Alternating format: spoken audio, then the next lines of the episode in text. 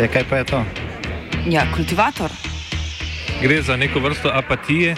To lahko reče samo kreten, noben drug.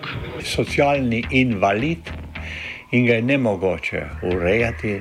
Drugi kandidat. Pa, pa pije, kadi, masturbira, vse kako ti lahko reče. Nihče tega ne ve. Vsak petek skultiviramo dogodek tedna.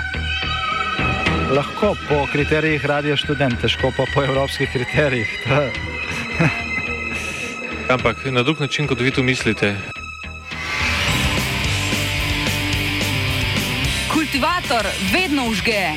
Da pač nekdo sploh omenja probleme, ki so, in da pravzaprav sploh nekdo sproži dogajanje uh, v družbi.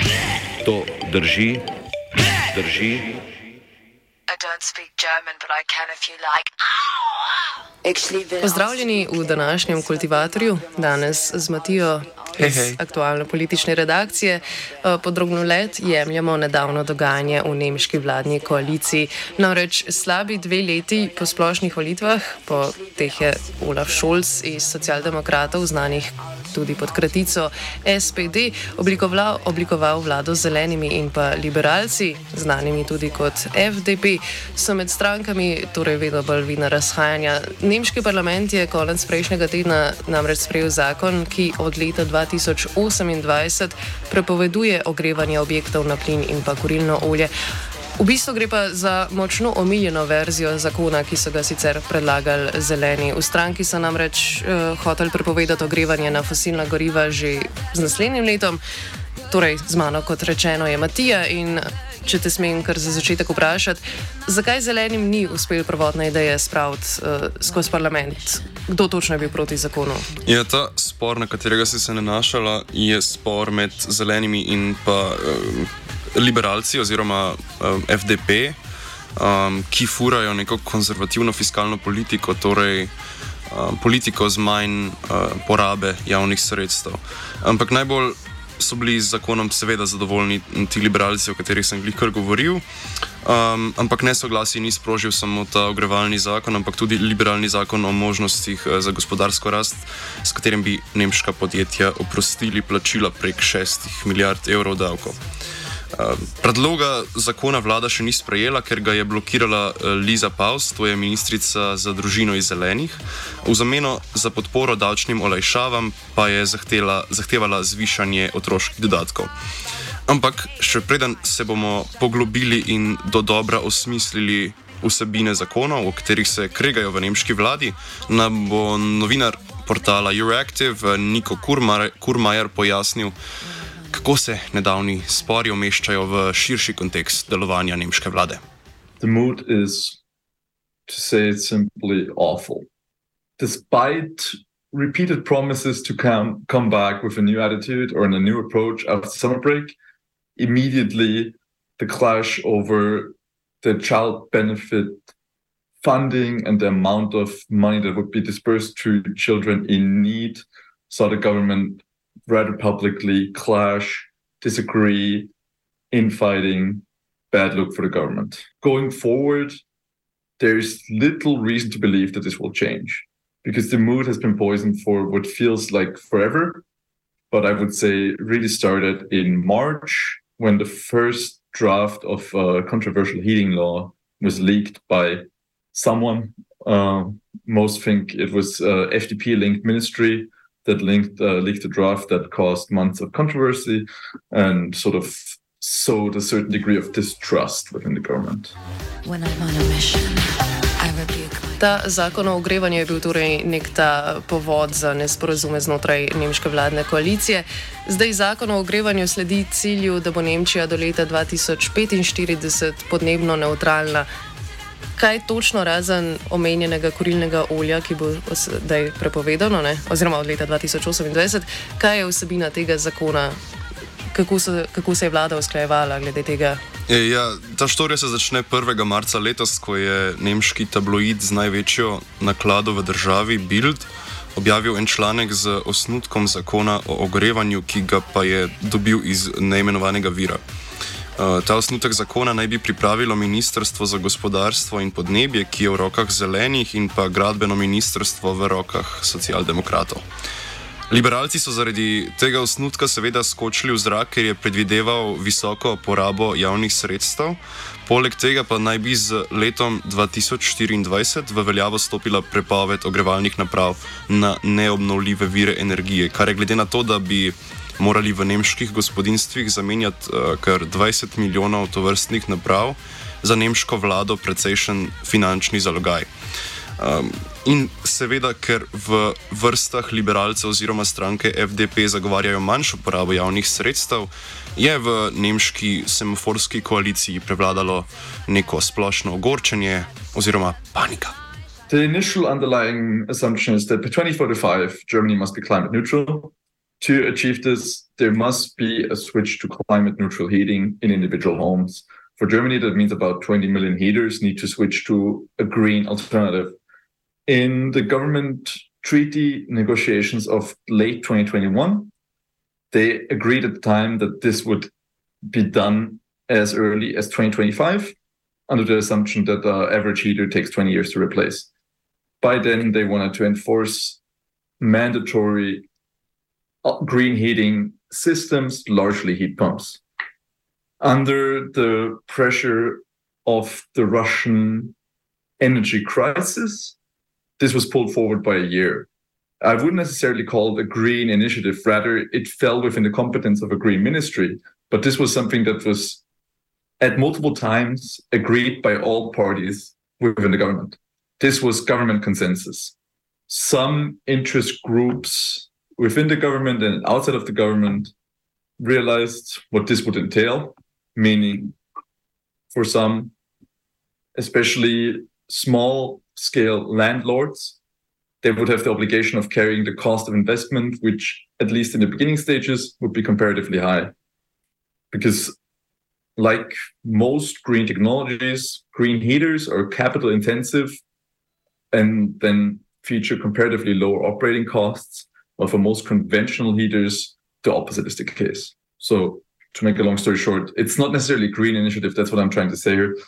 Um, but yes, uh, most credible estimates, or let let's say the most credible guesses. At the stage it was leaked, it was rather secret, meaning that it could have been leaked by either somebody within the Economy and Climate Action Ministry.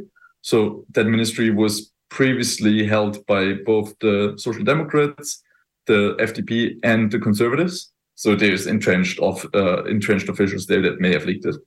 And then on the other hand, uh, the FDP held finance ministry is in suspicion of having leaked it.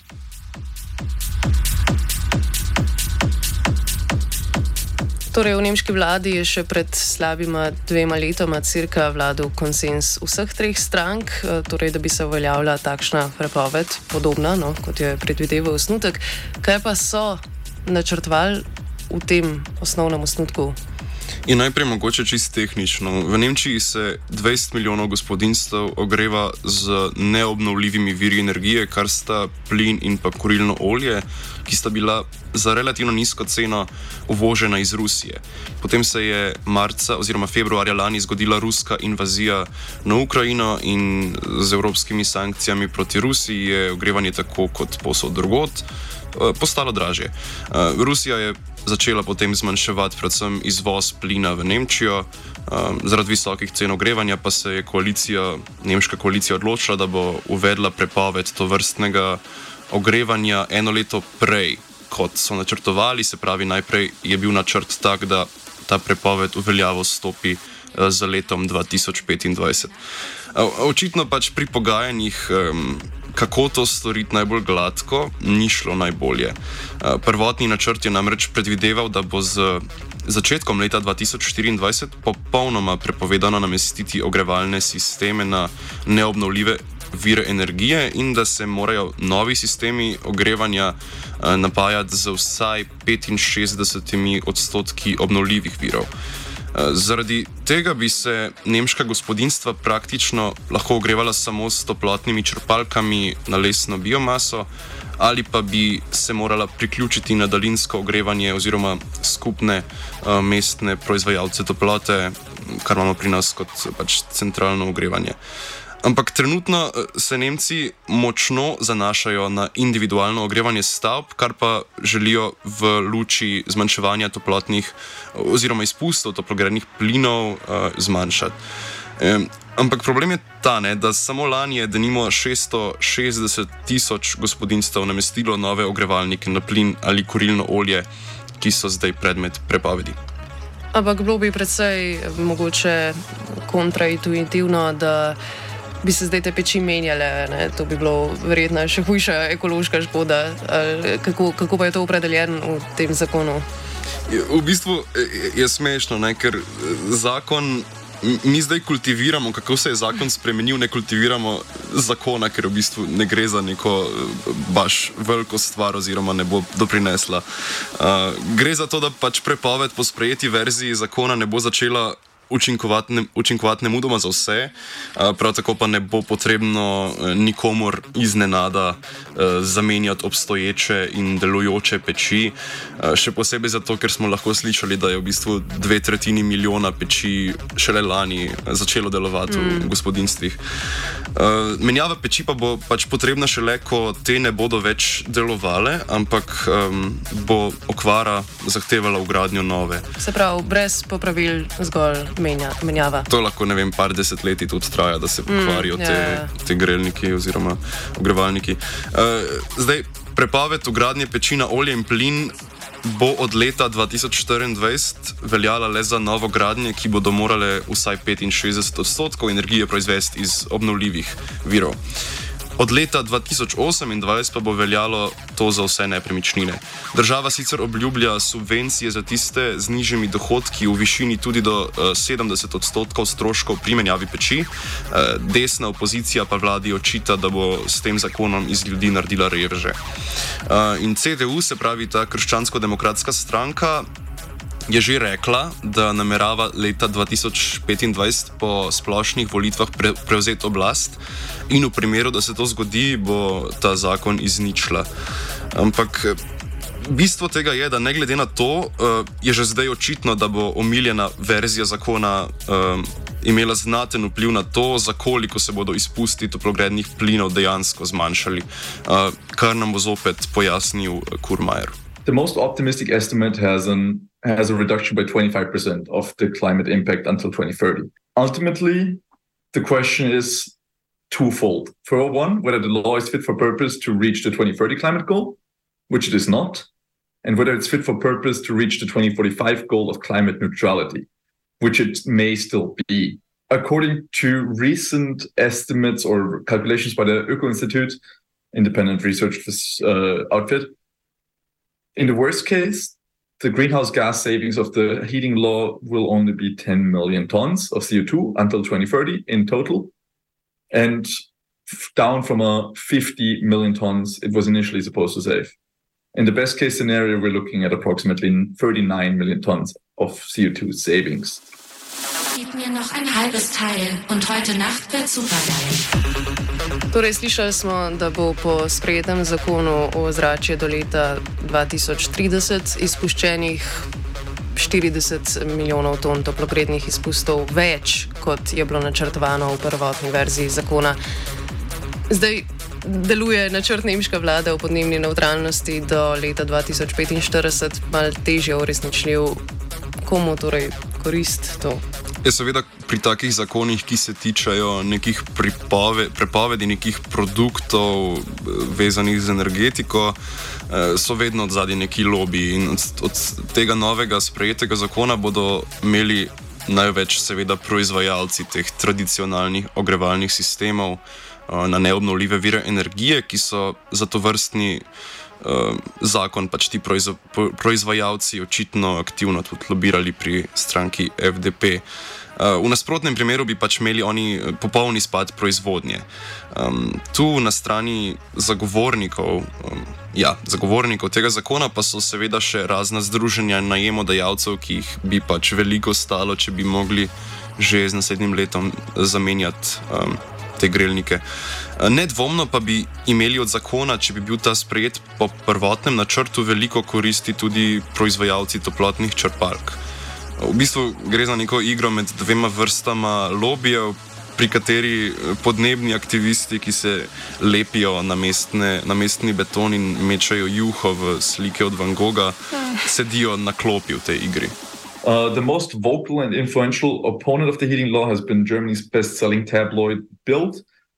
They reach about a million people every day. They were the paper that it was originally leaked to, and they used the, their opposition to the law to start a months long campaign, frequently bringing cover stories of people that were like, oh no, I don't want this law, and the like. And secondarily, I would say private, small scale landlords. The association is called Haus and Grund, and they were the second most vocal, vocal opponent of the law, for one. And then third, I would say it's the communal utilities. So that's the VKU. Uh, they're the ones that operate the local gas grids. They're the ones whose business model dies when people switch off gas heaters, which means that they, for the longest time, have been counting on hydrogen to replace gas. But should people switch to heat pumps instead, their business model would evaporate, uh, vanish, right? So those are the most influential slash vocal propo- uh, opponents. And then the, on the proponent side, you have the entire I would call it the climate action bubble, because obviously the law in the in the way it was proposed was designed to meet the country's climate targets and climate obligations. So obviously their interest was to maintain it. I would say environmental action Germany, but also uh, uh, climate NGOs more broadly were the strongest proponents of the law. The problem is really that, unlike established conventional heaters, they did not have uh, the heat pump lobby in Germany isn't as strongly established, so to say, meaning that they were somewhat outnumbered. I mean, if you look at the heat pump lobby in Germany, they've undergone like a surge of professionalization in the last three years as their product has become more mainstream. They hired extra people, they revamped their website, uh, they update the communication strategy because you have to consider heat pumps for the most part were something that 60 year old engineer nerds were into in Germany. But now it's become one of the best selling heaters in the last five years. I mean, yeah. Čestitke za najbolj prodajan grelec. Glede na to, da pa so v nemški vladi drugi po številu mest sedežev, zeleni, ki so pač posledično verjetno tudi v svetovnem merilu. Najvplivnejša okoljska stranka. Lahko bi od njih namreč pričakovali, da bi svojo agendo malo bolj učinkovito uresničevali. Zdaj, zakaj jim to ne uspeva pretirano dobro? Jaz bi se najprej ustavil predvsem pri tem fenomenu, zakaj so oni sploh tako številčni v nemškem parlamentu. Se pravi, oni so skoraj podvojili svoje glasove na parlamentarnih volitvah pred dvema letoma, ampak njihova volilna baza je praktično pač ta urbani višji srednji razred. Um, in tudi, če recimo se pogovarjamo, pogovarjate uh, s kakšnimi Nemci v 20-30 letih, uh, ki se recimo na potovanja na drug konc sveta vozijo z vlaki in so vegani in trdno stojijo za svojimi okoljevarstvenimi stališči, bojo rekli, da so volili za zelene. Jaz bi rekel, da je to postala že skoraj kot neka subkultura, ki jo v Sloveniji ne zaznavamo toliko. Uh, in uh, praktično, jaz bi rekel, da gre pred, za precej naivno volilno telo, ki voli za zelene. Um, ker je, ne, mislim, iz nekega zunanjega vidika je težko pričakovati, da bi lahko ta zelena stranka brez partikularnih ekonomskih interesov uresničevala predvolilne obljube. Če ima le enoznačen pogled voljivcev torej na ja. to stranko. A, a, ne želim jih podcenjevati, ampak um, ja. dovolj dovolj um, indikativno je že to, da je predsednik in so predsednik in pa glavni ideolog zelenih Robert Habek uh, rekel, da je stranka ugotovila, da če želi priti na oblast, se ne sme bojevati s kapitalom, ampak uh, mora z njim skleniti dogovor. Lepo ubesedeno, uh -huh. ideološko mogoče malo bolj uh, sporno, sen, če že gledamo na njihovo prvotno ja, agendo. Nobenih zelenih na radio študent. Ne, nobenih, nikakršnih. Kot obrazloži Niko Kurmajer iz Euroactiva, je pač realna politična moč zelenih še zmeraj bistveno manjša od liberalcev. Um, FDP jih v koalicijskih pogajanjih povozi, uh, predvsem zaradi njihovih močnejših povezav s kapitalom.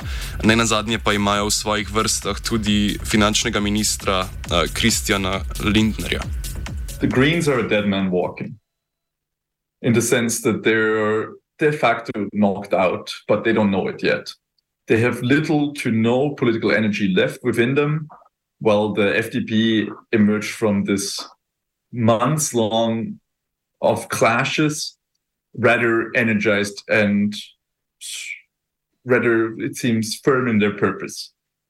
Because as it turns out, when it comes to so as an additional bit of context, it's the first time that Germany has a free party government at the federal con- at the federal level, etc. Meaning that the power dynamics are unlike anything that federal governments have ever experienced previously. In this instance, this meant that the FDP was pleasantly surprised to find out that when it comes to fighting climate action that does not come for free, they can frequently count on the support of the SPD, despite being just the smallest party in the government. And as a consequence, they are sort of in the they've come to the realization that they are in a winning position when it comes to fighting climate action. Če pa pogledamo zdaj še na mal širši kontekst, koliko vestna bi rekel je Nemčija od 1 do 10 pri izvajanju ukrepov za zaezitev podnebne krize? Ne bi kvantificiral tega, čeprav se da cilje in pa načrte kvantificirati. Dobro, pa, pa lahko v besedi. Okay. Okay, če mi dovoliš. Uh, ja, jedrske elektrarne so še v skladu z načrti iz časov Angele Merkel res začeli zapirati. Um, čeprav je jedrska energija nizkooglična, ni ravno obnovljiva. Uh, po drugi strani so lani spet začeli odpirati termoelektrarne, ki so že bile zaprte, uh, kar pa je tudi pomembno, čeprav bi nekateri rekli, da nemška vlada uresničuje koalicijske obljube na tem področju, je, da ne ukrepa na področju izpustov od transporta, ki doprinesejo največji delež izpustov. V Nemčiji, verjetno. V Nemčiji, ja. Uh, ne vem, lahko si najlažje predstavljamo ta kulturni fenomen um, nemških avtov in koliko je to nek statusni simbol, ki. Je, ga je težko brzdati, mm. če želiš pridobiti volilno telo. Um, in o teh zelenih ambicijah, ki jih nemška vlada uresničuje ali ne, uh, bo še enkrat povedal novinar. It's greener than its reputation, but still lags behind climate targets in large part due to lack of action on transport. By that, I mean that the country is relatively steadily charging towards 80% renewables for 2030. Uh, they're largely on track to pull forward the country's coal exit by eight years compared to previous government's policy they're at the center of support for both EU and national green policies. Much of what has been happening at the EU and national level was only possible because it was in a green ministry. They updated and overhauled the renewables support schemes at the national level, putting the country on track to add 30% renewable electricity in the next seven years. Although, despite the fact that wind is still somewhat floundering, for one, and for second, they're also sort of creating a mm-hmm. blueprint for the rest of Europe. Like, for example, the controversial heating law, that was a law that many countries were ready to just essentially copy from the Germans, let them do the thinking. They have the bigger administration, they were ready to copy it. So we're looking at a climate gap when all is said and done, nationally in Germany, of approximately 200 million tons of CO2. So That's not great, but much better than you'd think from outside Germany, where everybody's seeing the pictures of the Germans putting back on the coal power plants following the nuclear exit.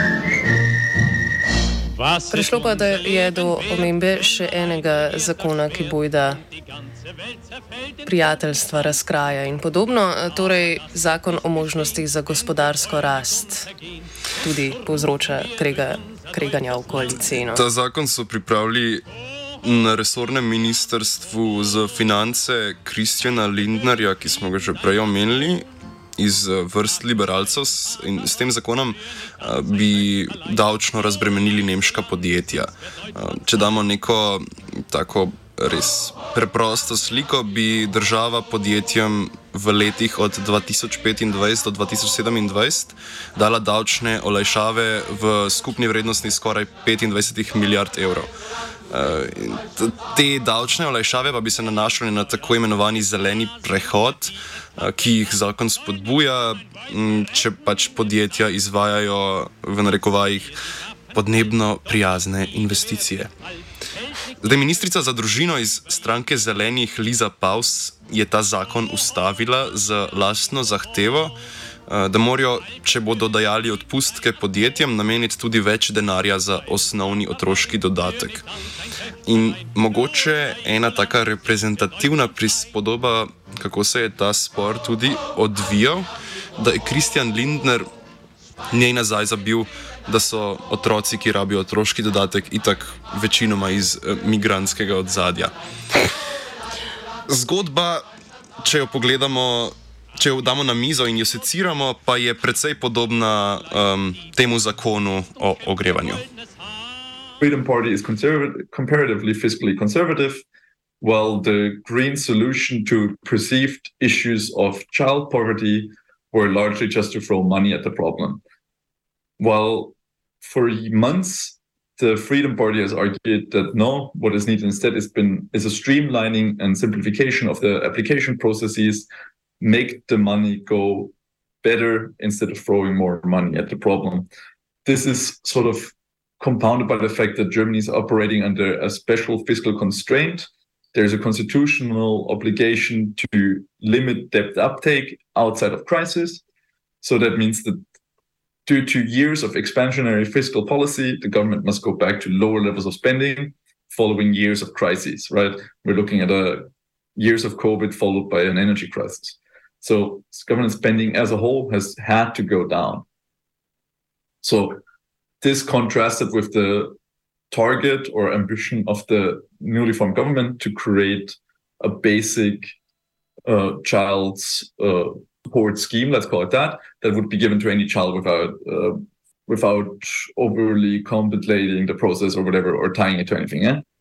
And long story short, you had them fighting in the background for months. And then it came crunch time when the official budgetary uh, declarations had to be made ahead of the summer, which at the time, essentially, the Freedom Party led finance ministry told the family ministry, which is being held by the Greens, to make this amount of cuts, which they then did. That's by targeting uh, parental support money for the well to do meaning that any household with an annual income of more than 150,000 would not receive uh, parental leave support by the government. This, unsurprisingly, was not very popular with your average Freedom Party voter, who tend to be more affluent than the average German. This was ultimately then considered as part of the wider conflict between the finance ministry and the family ministry. And then you had the blow up that when they agreed on a compromise on the financing of this child support scheme, it was blocked at the last second by the German uh, family minister, who is, by the way, herself more of a finance expert than a family expert, right? So, to be specific, it was just months of barbs between the two. So, fiscally conservative Freedom Party politicians, not necessarily the finance minister himself, even, and then pressure to make cuts. Her proposal to make cuts that were deeply unpopular with the Freedom Party's electorate, and then ultimately a compromise that was slashed by the Green Health Minister Lisa Paus at the very last second. Big blow up. Je bilo pa sprejetje tega business-friendly zakona, ki so ga liberalci pripravili, vse strani šolca obljubljeno. Uh, kako bo zdaj to dosegel, oziroma če predrugačem, kakšno je zdaj dejansko stanje v nemški koaliciji? Ja, ko sem govoril s tem novinarjem, ki je pravkar govoril, mi je rekel, eh, da je to utrujena vlada in da naj ne pričakujemo preveč od nje. Sicer nekaj ciljev iz ne preveč optimistične koalicijske pogodbe so zakoni že uveljavljali. Če pa gremo gledati po strankah in kakšna je situacija v strankah, pa smo že slišali, ne, da zeleni so a dead man walking.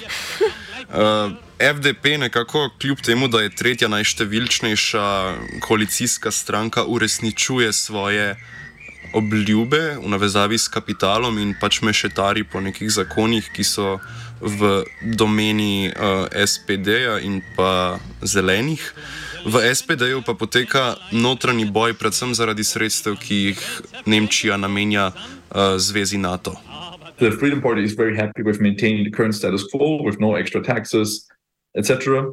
And the Social Democrats, well, they similarly seem content with not doing too much. I mean, you've seen them. Uh, the biggest fight that's up for them, ahead for them, is still going to be an intra party fight between the realist uh, Seeheimer Kreis and the more pacifistic left wing of the party over whether they should commit to a 2% spending of the GDP in line with NATO standards, something that the left wing of the party deeply rejects, while the Seeheimers consider it essential. That's the biggest things to come. There's no serious strategy in place, or maybe some people also don't think there should with combating the far right because I, it's for the most part it continues to be a regional problem meaning that it's left to the regional parties. There is not going to be a federal strategy of combating the far right.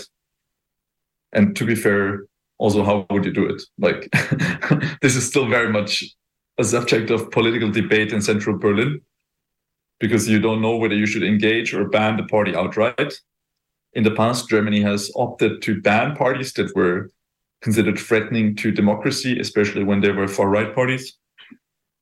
But obviously, looking at the situation today, maybe bans aren't the option or the perfect solution. Go home, ami, ami, go home. Mal manj znan pregovor je, kjer se kregajo tri četrti dobiček ima, zato ker ni to keči, ki se ne rima. Ne? Ampak medtem, ko se. Veš, te na, naše zahodne kulture, mi nimamo poliamorije, mi smo bolj monogami, ja, ja, mogoče iz tega. Tako, bi, ne, dvojno. Ja. Uh, medtem, ko se torej pač nemške koalicijske stranke malo kupčkajo se pa v bistvu javnomnenjska podpora naklanja desni alternativi za Nemčijo. Bojda še nikoli ni bila tako visoka. Ne? Kako lahko pa obrazložimo ta ponovni vzpon skrajne desnice? Najbolj tak očiten razlog oziroma vir te visoke javnomnenjske podpore je sigurno to, da se v vladi kupčkajo. Uh, poleg tega pa ta energetska kriza je tudi nek faktor. Um, ampak v Nemčiji imamo vedno ta moment, še, ki izvira iz še pred 30 let, se pravi vzhodne in zahodne Nemčije. Um, in ker je bila vzhodna Nemčija pač puppet state, oziroma uh, kako se to reče, uh, igračka, ja, igračka yeah, ja, od Sovjetske marionita. zveze, ki jo je oskrbovala tudi z uh, energijo, je zdaj ta. Um, Sankcije proti Rusiji sigurno vplivajo bolj na vzhod Nemčije. Um, in tudi tam je ta uh, pač skrajno desni sentiment um, veliko močnejši, ki pa, kot sem že rekel, izvira iz uh, nekih kulturno-zgodovinskih uh, dejavnikov. Some will argue that it's a large reason for the AFD's rise. Some will argue that it's only one factor of a thousand. As a matter of fact, you cannot deny that a government seen squabbling, which is always a bad look, and heaping, like nobody, or at least some people may have argued that climate protection or climate action would be free or come at a very low cost. Increasingly, this has turned out to be a rather distorted view of the truth. Climate action was never going to be free. That doesn't mean it's not worth doing. But increasingly, uh, voters were, are waking up to this fact. For one, and for second, you have to consider that people in Eastern Germany less than 25 years ago were still a Soviet satellite state. so obviously the situation with Russia, levying, levying sanctions on Russia, has a different impact on them than they would have in Western Germany, where the fight against the Soviet Union and its successor, the Russian Federation, has largely been a, a topic of true conviction within the electorate. Rekel speku, ampak hvala Ja. Bogu, ne. Ne na peči, toplotnemu, ja. Fakt, to je bilo kar samo. Tako, to je bil kultivator. Hvala, da ste bili z nami, vabljeni tudi naslednji teden k poslušanju. Tokrat- Eno zaključno misel bi še jaz. Dej, prosim, vlada.